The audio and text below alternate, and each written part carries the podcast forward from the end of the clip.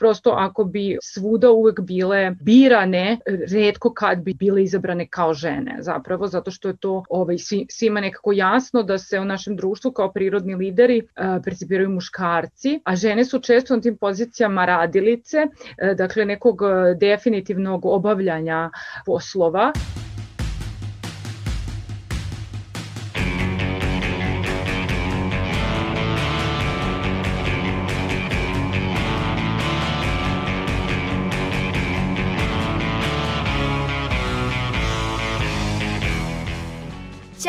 Ja sam Iva Gajić. Tu je naravno i standardna postavka podcasta Reaguj koju čine Sanja Kosović, Irena Čučković, Sanja Đorđević i Aleksandra Bučko. U ovoj epizodi donosimo ti priču o ženama na javnim funkcijama. I neću dužiti. Kada govorimo o kvantitetu, ja bih mogla da kažem da je to stanje zadovoljavajuće. Zato što se poštuje zakon, ali Sa druge strane, nezadovoljna sam što uopšte izgovara da se poštoje zakon, jer to treba da bude prirodna stvar. Jer ako ste uveli kvotu, naravno da ćete je poštovati. Ali smatram da je bez kvote stanje sigurno ne bi bilo tako, zato što je velika razlika u tome. Ogromna je razlika u brojevima i u političkoj kulturi i uopšte kulturi življenja, zato što bez kvota teško da bi bilo ovoliko žena uopšte političkom i javnom životu. Čuli smo Brankicu Janković, poverenicu za zaštitu ravnopravnosti u Srbiji. Kvantitativno smo dobre, ali nas je interesovalo kakav je zapravo utice žena na funkcijama, koliko se one poštuju i u skladu sa tim koliko mogu da urade, da li zaista imaju uticaja ili su tu samo da bi popunile kvotu. Zato smo odlučile da razgovaramo i sa ženama koje obavljaju neku javnu funkciju ili su je u nekom trenutku obavljale. Upravo tu spada Marija Ratković, Ona je aktivistkinja i bivša pomoćnica gradonačelnika Šapca za pitanja mladih. Na toj funkciji je bila do 2020. godine, odnosno dok nije došlo do smene vlasti u tom gradu. Pitale smo je kako je njoj bilo dok je obavljala ovu funkciju. Ona kaže da je to jedinstvena pozicija jer pruža jednu vrstu kreativnosti i komfora u političkom smislu, zato što je jedina osoba kojoj je ona odgovarala gradonačelnik. Na toj funkciji nije imala ni podređene gradske službenike, iako je sa njima usko sarađivala, kao i sa svim gradskim organima i organizacijama civilnog društva. Marija Ratković potencijalni problem vidi u tome koliko ženu poštuju kada je na poziciji liderke. Posao bio e, dinamičan, ali sa druge strane ono što je važno da, je pre, da nije pretpostavljao neku vrstu hjerarhije. Dakle, da nas nije samim tim razdvajao, što mislim da je za žene jako važno, zato što kada su žene na pozicijama koje podrazumevaju neku vrstu hjerarhije, one često imaju problema da uspostave autoritet kad govorimo o e, recimo pozicijama upravnica, direktorke i tako dalje, e, onog trenutka kada počnu da rade i kada, kada moraju da obavljaju neku funkciju koja podrazumeva e, čak i jako veliki broj ljudi koji su na hirarhijskoj lestvici, to je takozvanoj, ispod, onda se naravno javlja problem ovaj, kada tu poziciju lidera, odnosno liderke, obavlja žena. I ono što je meni bilo zanimljivo zanimljivo je da taj posao vidim kao pre svega da moje neko, neku vrstu liderstva vidim kao in, e, kao in, da sebe vidim kao inicijatorku i kao, kao providerku, odnosno kao nekoga ko može da obezbedi ono što je potrebno određenim institucijama da bi mogle da funkcionišu kao neka, uh, ajde tako kažemo, menadžerska pozicija. Međutim, pozicija koju je obavljala Marija Ratković, pozicija pomoćnice gradonačelnika Šapca za pitanje mladih, nije predviđala nikakvu mogućnost napredovanja, zato što je pozicija gradonačelnika jedina pozicija koja je bila iznad nje, a ta pozicija je politička i na neki drugi način se određuje neposlovnim napredovanjem. Žene često imaju tu poziciju koja je nekako, ne znam kako bih rekla, e, pozicija žene je kao pozicija neke, sad uslovno re, rečeno, neke čerke, koja je sa jedne strane zaštićena od rizika, a sa druge strane zaštićena i od nekog, da kažem, napredovanja. Tako da u tom smislu to se jako često desi e, da, da, da, da nekako svi su, mislim da su u političkom životu u Srbiji e, ljudi jako svesni toga da da se žene na poziciji moći treba, treba ih nekako zaštititi, zato što e, prosto e, postoji ogroman animozitet prema ženama na bilo kakve funkcije, a nekako zbog određenih e, pravila, e, odnosno zakona, sad imamo i zakon o rodnoj ravnopravnosti, žena mora da bude. I onda žene nekako se uvek na, pozicioniraju na te neke pozicije koje su nekako neškodljive, pa one sa tih pozicija nekako mogu nešto možda da, ovaj, da doprinesu, da rade, da neometano rade. U Subotici na poziciji ombudsmanke, ali i njene zamenice su žene. A ja sam razgovarala sa zamenicom lokalne ombudsmanke u Subotici, Majom Toskić.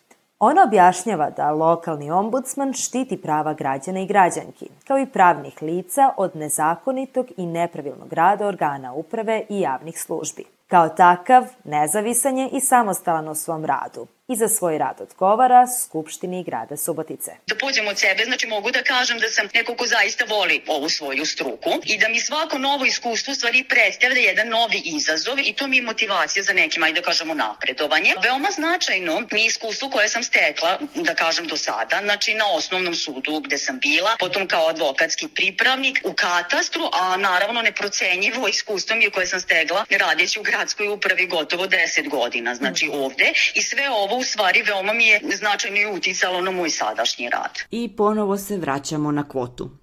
Ono što je poverenica za zaštitu ravnopravnosti Brankica Janković rekla, nije problem da se ispune kvote. Problem je u tome koliko žene i kada su na pozicijama odlučivanja to mogu da rade. Ili to i zapravo rade. O tome govori i Ana Krstić, PR menadžerka Centra za ženske studije. Pre svega, ako govorimo o ravnopravnosti, onda govorimo takođe i o tome da žene moraju da budu na pozicijama odlučivanja, odnosno na pozicijama moći da li se to odnosi na mesto poslanice ili bilo koje osobe ako ima moć parlamentarnoj politici ili govorimo o drugačijim nivoima pozicija moći, ali bitno je da se nalaze na tom mestu i bitno je da na taj način e, takođe, odnosno ono što je možda jako bitno da ispočitavamo jeste nije samo da li se radi o ženama ili o drugim ljudima koji trenutno u patriarhalnom sistemu nemaju moć, nego je bitno takođe i da li i u čijem interesu rade. Da li rade u interesu žena, da li rade u interesu drugih ljudi, da li radi u interesu manjinskih skupina ili ne. Pošto možemo da vidimo da u prethodnom sazivu vlade i parlamenta je ispunjena ta kvota, bilo je ispunjena kvota u smislu koliko žena neophodno da budu članice parlamenta, da budu poslanice, ali možemo takođe vidjeti da se skoro ništa ako se i nešto postiglo u cilju poboljšanja rodne ravnopravnosti. Donet je zakon, ali pre godinu dana, tako da je već godinu dana od stupanja na snagu, odnosno bit će još malo, ali nismo videli neka znatna poboljšanja. Opet sa druge strane na, na, vidjet ćemo kako će biti u budućnosti, tako da ne stavljamo tačku na tome u smislu da ništa se nije desilo. To je jedan napredak, donošenje samog zakona, ali s druge strane zakon, recimo zakon o istopolnim zajednicima o kojem se priča već neko vreme, je takođe stavljen sa strane što predviđa prosto celu, celu situaciju da se u tom smislu radi u interesu određenih žena ili pre svega u interesu ispunjavanja određenih formalnosti, pre nego što se one zaista primenjuju u praksi. Stvari se kreću na bolje. Kako je bilo, jeste bolje. Samo što to bolje je još uvek na niskom nivou zbog svih drugih okolnosti kao što su nega deteta, napredovanje u poslu, pa i fenomen staklenog plafona – kada žena prosto dođe do tog nevidljivog staklenog plafona i ne može dalje da napreduje. Žene sada mogu da obavljaju mnogo više poslova. Nisu više toliko ulozi majke ili domaćice, nekoga ko brine o kući i svima u njoj. To kaže i zamenica lokalne ombudsmanke u Subotici, Maja Toskić. Mislim da se i tekako mnogo toga promenilo, znači u današnje vreme, naravno i u prethodnom nekom periodu. E, kao primjer dobre prakse, ja bih upravo i rekla ovaj, da je to definitivno Subotica, jer kad pogledate uopšte, znači recimo načelnik gradske uprave, zamenik načelnik, e, načelnika gradske uprave su žene. Tu je većina pomoćnika gradonačelnika su žene, većina članova gradskog veća, tu je cela gradska uprava, znači od 11 sekretarijata, sedam su žene. Onda recimo, evo da kažemo, prvi lokalni ombudsman što kažu, pa tu i gradski pravobranilac, tako da mislim da i tekako da se puno toga promenilo. Možda ste pomislili, vidite koliko je žena na pozicijama i obavljaju javne funkcije. I dosadašnja premijerka je žena, Ana Brnabić. I jeste, U ovom podcastu smo htele da prikažemo upravo te žene koje imaju iskustvo obavljanja javne funkcije, a zapravo ih je mnogo manje. A ono što je takođe važno, mnogo su manje vidljive i ređe su na pozicijama liderki, a češće na nižim pozicijama. Uskoro ćemo i o tome, ali prvo da čujemo poverenicu za zaštitu ravnopravnosti Brankicu Janković, koja upravo o toj vidljivosti i govori. One su najmanje četiri puta manje vidljive od muškaraca. Pogledajte sve medije i pogledajte i one medije koji zaista drže do, do profesionalizma i odgovornog odnosa prema radu i tu ćete redko da vidite na javnom servisu i jednom i drugom. Kada se radi o nekim ozbiljnim geoekonomski, geopolitički, geostrateški važnim pitanjima, tu ćete da vidite uvek u studiju 4-5 muškaraca naslovne strane najozbiljnijih nedeljnika, to je iz sem par redkih izuzetaka, je situacija, ne, ne možete da najđete na ženu, za Boga, pa to tako ne ide. I mislim da mediji tu ne, mislim, trebalo da odigraju ključnu ulogu kao i i u mnogo čemu. Tako je. O tome je pričala i Marija Ratković koja je obavljala funkciju pomoćnice gradonačelnika Šapca za pitanja mladih.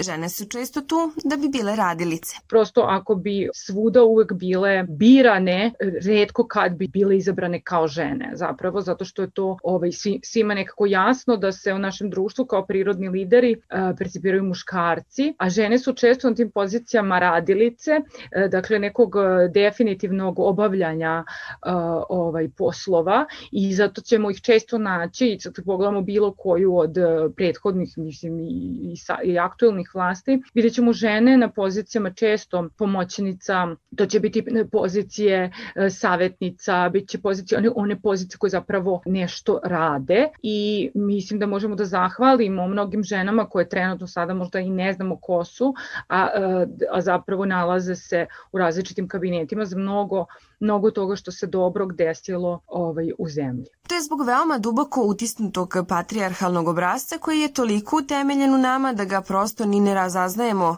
kao takvog, već kao nešto što je apsolutno normalno, a nije. Evo je i Brankica Janković da objasni zašto.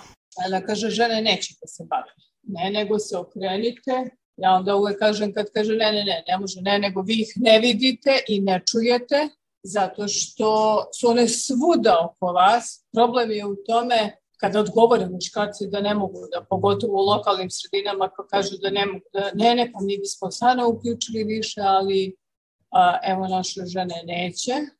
Da ja kažem, vi imate dosta ozbiljan problem zato što u muškom svetu vi imate vaša pravila slušanja u kome je dozvoljeno da muškarac ustane i kaže e, ja bih da se bavim politikom, jer ja mislim da ja znam.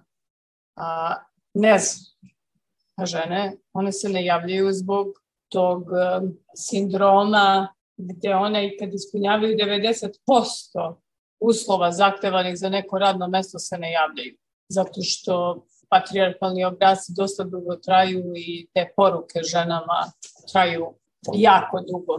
Posao, obavljanje funkcija, vođenje naroda. Ništa od ovoga nije muški ili ženski posao, već je jednostavno posao. Kao takav ne bi trebao da ima pol, odnosno da bude za određeni pol. Tako govori i zamenica lokalne ombudsmanke u Subotici, Maja Toskić. Sam autoritet funkcije je taj koji nameća je da kažemo određeno postupanje ili mišljenje. Recimo, ukoliko se nalaže neko postupanje, odnosno ajde da kažemo činjenje ili nečinjenje, mislim da je u stvari bitan taj autoritet te same funkcije.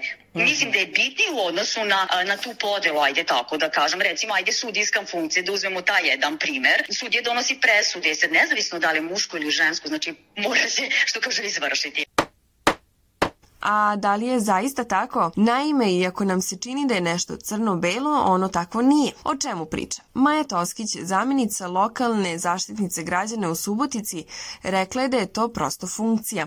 Nebitno je ko donosi odluke. I jeste tako. Slažemo se svi. Brankica Janković, poverenica za zaštitu ravnopravnosti, govori o tome da je 72% žena na sudskoj funkciji. Veliki broj ali... Ne donosite prebrzo zaključak. To je bilo zato što su muškarci pre nekoliko godina, 2000, mislim da je to bila 9. 10. masovno otišli iz pravosuđa zbog niskih plata. Ostale su žene. Dobro. Ženama je bitna sigurnost, stabilnost posla, to su neke razlike u kulturi življenja, ne polne razlike. Da se ne rađaš sa tim, nego prosto zbog te tradicije, kroz negde e, zbog tih obrazaca ponašanja, žena više ceni sigurnost. Ali polako došlo je vreme da će svi najviše ceniti stabilnost i sigurnost. Nažalost.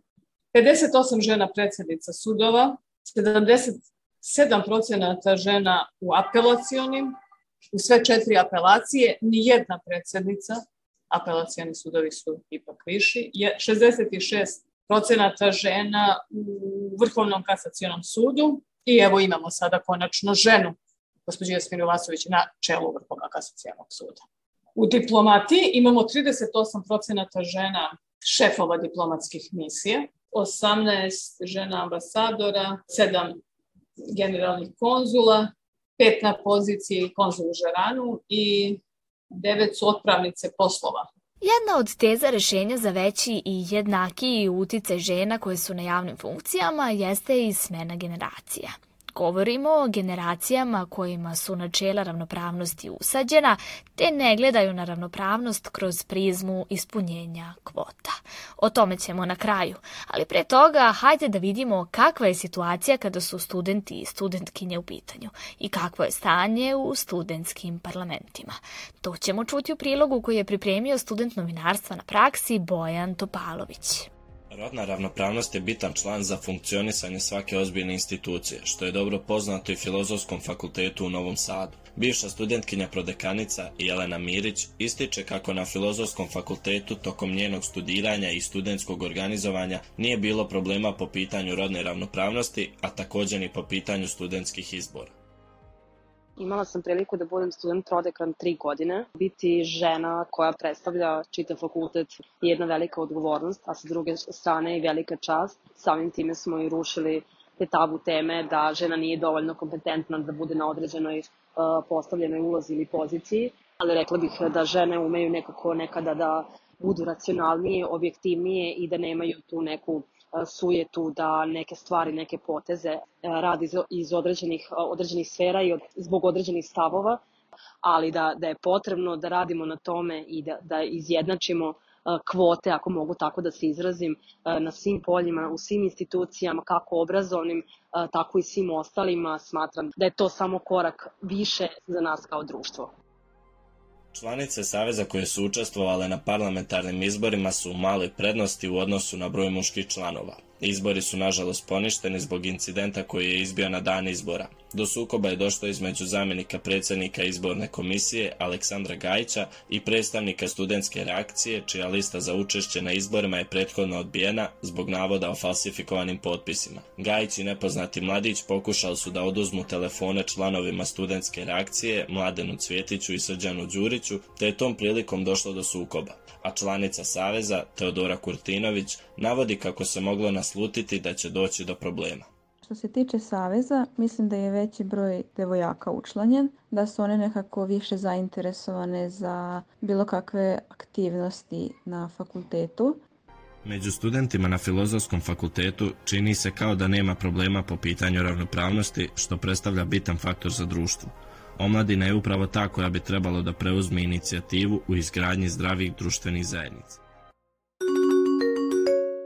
Moja sagovornica Marija Ratković, koja je obavljala funkciju pomoćnice gradonačelnika Šapca za pitanja mladih, ujedno je i aktivistkinja i veoma je aktivna na mrežama. Zašto to sada spominjem? Zato što je ona verovatno prva koja se desilo da se nje nalog na socijalnim mrežama pokazuje u Gradskoj skupštini u Šapcu. Ona objašnjava i pozadinu priče, Kada je birana na tu funkciju, tadašnji gradonačelnik Nebojša Zelenović znao je da je ona aktivistkinja, da je aktivna na mrežama i da ne želi da uđe ni u jednu stranku i u tom smislu ona od njega imala podršku. Ali poslušajmo od nje šta se dogodilo. Nikada se nije desilo pre mog dolaska na, na, na tu funkciju da se neči Instagram pokazuje u gradskoj skupštini u Šapcu. A to se desilo kad sam ja došla na poziciju pomoćnice gradonačelnika, iako stvarno nisam prva žena koja je bila ni na toj poziciji, ni na nekim drugim pozicijama u gradu, ali verovatno jesam uh, žena sa možda puno followera na, na Instagramu ili sa aktivnim Instagram e, nalogom. Tako da je tadašnja opozicija, a sadašnja ovaj, gradska vlast, e, to iskoristila da pokazuje moje slike da na osnovu mojih fotografija sa Instagrama, fotografija sa plaže ili sa ovaj, događaja e, javnih e, ili čak nekih i privatnih, pokaže kako ja nisam dovoljno dobra za tu poziciju za rad sa mladima. Takođe, postojali su tablo, tabloidi lokalni koje su moje slike ovaj, istrzali iz konteksta i tako dalje i ovaj, sve, sve u tom uh, cilju da dokažu kako ja nisam dovoljno uh, dobra ili dovoljno stručna za tu poziciju, uh, što je zapravo bilo kontra, kontraproduktivno sa jedne strane zato što to što sam ja doživela, taj ono što zovemo slut shaming, odnosno sramoćenje na osnovu fizičkog izgleda ili privatnih ili, ili javnih fotografija u drugom kontekstu, jeste zapravo jedan od velikih problema sa kojim se mladi suočavaju u toku u toku ško, i u školi i ovaj, u, u životu. Već sam rekla da su u kabinetu gradonačelnika znali njene stavove. Posle incidenta u gradskoj skupštini Šapca od strane tadašnjeg gradonačelnika Nebojše Zelenovića stigla je i podrška i reči zaštite, ali ne onakve na kakve smo navikli, već takva podrška kakva je ženama i potrebna. Uh, ono što se sećam da sam i ja pitala pre nego što sam počela da radim na toj poziciji, pod jedan pitala sam, naglasila sam da, da, ovaj, da, da ne želim da budem uh, u stranci, a to, zato što sam ja sama čula da je to, to je nekako običaj, da je to put, da su javne funkcije samo put do ovaj, partijskog organizovanja. Nešto sam dobila odgovor, ne, nikada o tome nismo ni pričali, niti bi to bio, bilo pitanje. A drugo pitanje je bilo vezano za moje naloge na društvenim mrežama. Ja sam pitala da li ja sad treba sad da obrišem ove naloge ili da ih potpunosti zatvorim. Na što sam dobila odgovor od tadašnjeg gradonačelnika Šapca Nebojše Zelinovića da to ne dozi u obzir i da apsolutno sve što ja radim, da, da, prvo da, da, ovaj, da oni znaju da, da sam ja aktivna na društvenim mrežama i da me prate, a drugo da apsolutno ne bi od mene tražili ni na koji način da, da se cenzurišem. I sa te strane sam imala uh, neku vrstu podrške i mogu slobno reći i zaštite u, u, u smislu da sam prvi put čula da je neko štiteći neku uh, ženu povodom tog incidenta u gradskoj skupštini uh, uh, rekao, a to je rekao Nebojša Zelenović da nema potrebe da me brani, da sam ja dovoljno uh, hrabra i sposobna da se sama odbranim, što je jako redko s obzirom na to da, se, da su žene zapravo uvek paternalizovane čak i kada jesu i same aktivistkinje ili, ili su sposobne e, ili rečite ili kako god da se same odbrane. Ali se hoću da kažem da to nasilje koje e, sam,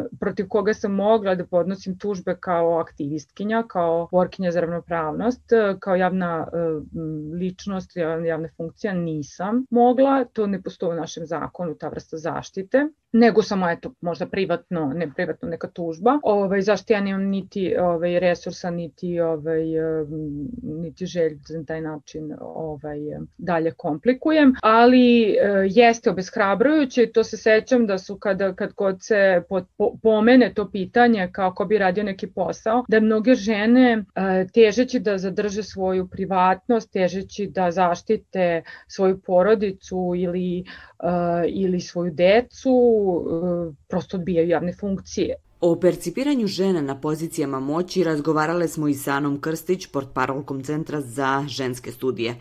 Da li gledamo njihove outfite ili znanje i delanje?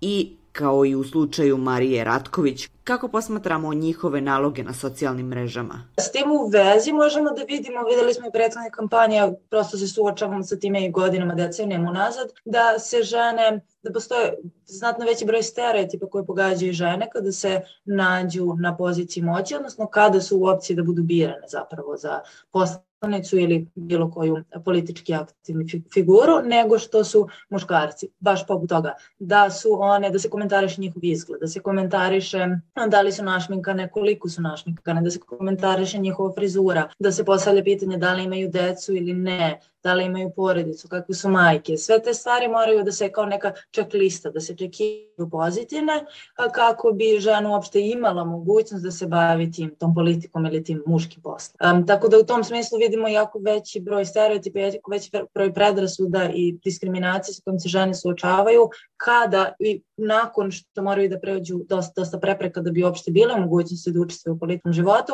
čak i kada se tu nađu, um, suočavaju se sa velikim brojem predrasuda. Veoma nas je zanimalo još jedno pitanje. Znamo da su žene u mnogim strankama. Često su i kandidatkinje na listama za izbore, parlamentarnim, pokrajinskim, lokalnim. Čak nam je i premijerka bila Ana Brnabić, jer u momentu produkcije ovog podcasta, početkom juna 2022. godine, još uvek nemamo novu vladu, ni premijera ili premijerku. Ali, da li su one instrument stranaka ili je moguće da naprave promenu u društvu Srbije? Ana Krstić, PR menadžerka Centra za ženske studije, kaže da to zavisi od pozicioniranja stranke, ali je mnogo važnije koliko se njihov glas čuje o mnogim temama koje su sada nisu one zabranjene, samo su skrajnute. U nekim strankama jesu, u nekim drugim strankama nisu. To zaista zavisi i od uh, političke, političke struje koju određena stranka zagovara. Tako da možemo da vidimo u desničarskim konzervativnim strankama da one predstavljaju baš element uh, koji ispunjava date kvote, uh, dok sa druge strane u određenim strankama koje teže levici ili da pričamo o pozicionar, pozicioniranju levo-desno, je situacija znatno drugačija. Žene se nalaze u, u pozicijama moći, nalaze, nalaze se u poziciji odlučivanja, u poziciji da budu birane, u poziciji da se njihov glas čuje i da se zaista, ne samo da se njihov glas čuje, nego da se zalaže za one stvari koje nisu isključivo uh, ono o čemu čujemo da se priča u politici, a to je sklanjanje tema poput prava na reproduktivno zdravlje, poput rodne ravnopravnosti, poput ženskog neplaćenog kućnog rada. Tako da je baš to ne samo da li se žena nalazi na poziciji moći, odnosno poziciji da bude birana i da se njen glas čuje, nego i teme o kojima ona priča, odnosno teme koje su dozvoljene da se o njima, da se o njima diskutuje. A kako naše sagovornice vide budućnost ženskog liderstva? Da li i kada možemo da očekujemo liderke na svojim pozicijama? Prvo, ono što je važno jeste da se definitivno krećemo ka ravnopravnom društvu. Velika je borba, ali rezultati se dešavaju. Marija Ratković, aktivistkinja, smatra da ono što je najpre potrebno jeste da javne funkcije budu sigurne za ženu. I najverovatnije da se desi smena generacija. Ja jako podržavam to što, to što je nedavno donet e, zakon o rodnoj ravnopravnosti, ali takođe u istom tom, e, u istoj toj, da kažem, garnituri vlasti se dešavaju i to odbijanje, javna odbijanja, korišćenja ženskog roda, e, ponovo svoje isto nasilje prema ženama u javnom prostoru. Nadam se da će na sledećim izborima koji budu biti mnogo više ženskih kandidatkinja, mnogo više žena na pozicijama na samom vrhu liste kao nosećih kandidatkinja, da, da će postojati taj, taj diverzitet ženskih e, glasova, dakle da one neće biti, da ne one sve neće zastupati samo, samo svoje partije, nego negde i svoje mnogostruke identitete, od kojih je jedan od naj, najvažnijih ženski. Jer uopšte nisam sigurna koliko je moguće ovaj, te stare načine upravljanja, odnosno gazdovanja i te ideje o moći promeniti zato što su oni previše ukorenjeni u tim ljudima. Mislim da samo jednom trenutku će doći do smene generacija, doći će generacija koja ravnopravnost smatraju delom svo, svoje opšte kulture. Se držimo sebe i svojih vrednosti, da ih zastupamo bez obzira na kojoj poziciji bili i uh, tako, ćemo, tako ćemo uspeti. Poverenica za zaštitu ravnopravnosti Brankica Janković smatra da su liderstvo i politička volja važni za osnaživanje žena kako bi uopšte želele da obavljaju javne funkcije. To podrazumeva stalnu motivaciju i podršku ženama da se uključe u javni život. Ta podrška bi trebalo da stigne i od muškaraca i od žena. Ali hajmo da krenemo od samog početka. A da se o tome otvoreno priča u školi, u vrtićima, se devojčicama šalje poruka da, da svi možemo sve jednako, da biramo naš e, posao, ne da guramo nekoga veštački da bi pravili kvotu, ali, ali da prosto pričamo o tome da se zanimanje bira shodno želji, a ne shodno očekivanju okoline. I naravno, da mediji upravo ne zovu sve analitičari, sve muškarci. Šta će onda mlada devojčica da kaže? Pa deću tamo, nije jednostavno, ne osjećam se komfortno, nije mi prijatno. Znate ono kako žene kažu, to morate da dođete u neku fazu jednog ozbiljnog razvoja, to ne možete dok ste mali. Pa kada ono kažete ne osjećam se prijatno, deset muškaraca ko mene ili ne znam deset devojaka, samo pa se ne osjećam, to prosto onako je demotivišuće, ta neka kultura e, življenja, uravnoteženost i balans u svemu pomaže, pa onda i u političkom životu i uopšte onda društvenom. Sve što izlazi iz nekakvog balansa nije kreativno za život i okruženje. Prosto nije atmosfera u kojoj bilo ko želi da radi i živi. Tako? I evo ga, kraj još jedne epizode podcasta Reaguj, u kom smo razgovarale pa ne o broju žena na javnim funkcijama, već o njihovom stvarnom položaju i uticaju. Hoćemo li da čujemo zaključak? Verujem da ste do njega već sami došli, ali nije na odmet da to kažemo i naglas. Dakle, to što će žene biti ravnopravnije ne znači umanjenje pozicije muškaraca. Svakako da je to teško postići brzo, jer smo kao čovečanstvo jako, jako dugo drugačije razmišljali. Zato treba rušiti temelje tih uverenja. Hvala ti što si slušala i slušao ovu epizodu. Važne informacije koje smo saznali u ovoj epizodi su da, iako se zakon o rodnoj ravnopravnosti poštuje, žene su tu uglavnom kvantitativno. Dodajmo da su žene veoma često na pozicijama radnica, dok su muškarci još uvek percipiraju kao lideri. Žene se ređe biraju za liderske pozicije na javnim funkcijama najviše zbog duboko ukorenjenog patrijarhalnog razmišljanja. Rešenje? Menjanje diskursa, razmišljanja i govorenja i u javnom i u privatnom životu. I to od malih nogu. Ja sam Iva Gajić, a ovu epizodu podcasta realizovale su još i Sanja Kosović, Irena Čučković, Sanja Đorđević i Aleksandra Bučko. Budi uz nas i nadalje i prati naš rad. Podrži nas za početak tako što ćeš aktivno biti uključena ili uključen u našu zajednicu na socijalnim mrežama, na Facebooku i Instagram stranici, Facebook grupi ili na TikToku. Imaš predlog teme? Piši na društvenim mrežama i na mail podcast.ndnv.org. Možeš nam napisati svoje utiske o epizodi, iskustvo ili predloge tema. Naš rad možeš pratiti na kanalima na podcast.rs, Sanderu, Spotifyu, Google podcastima i Deezeru.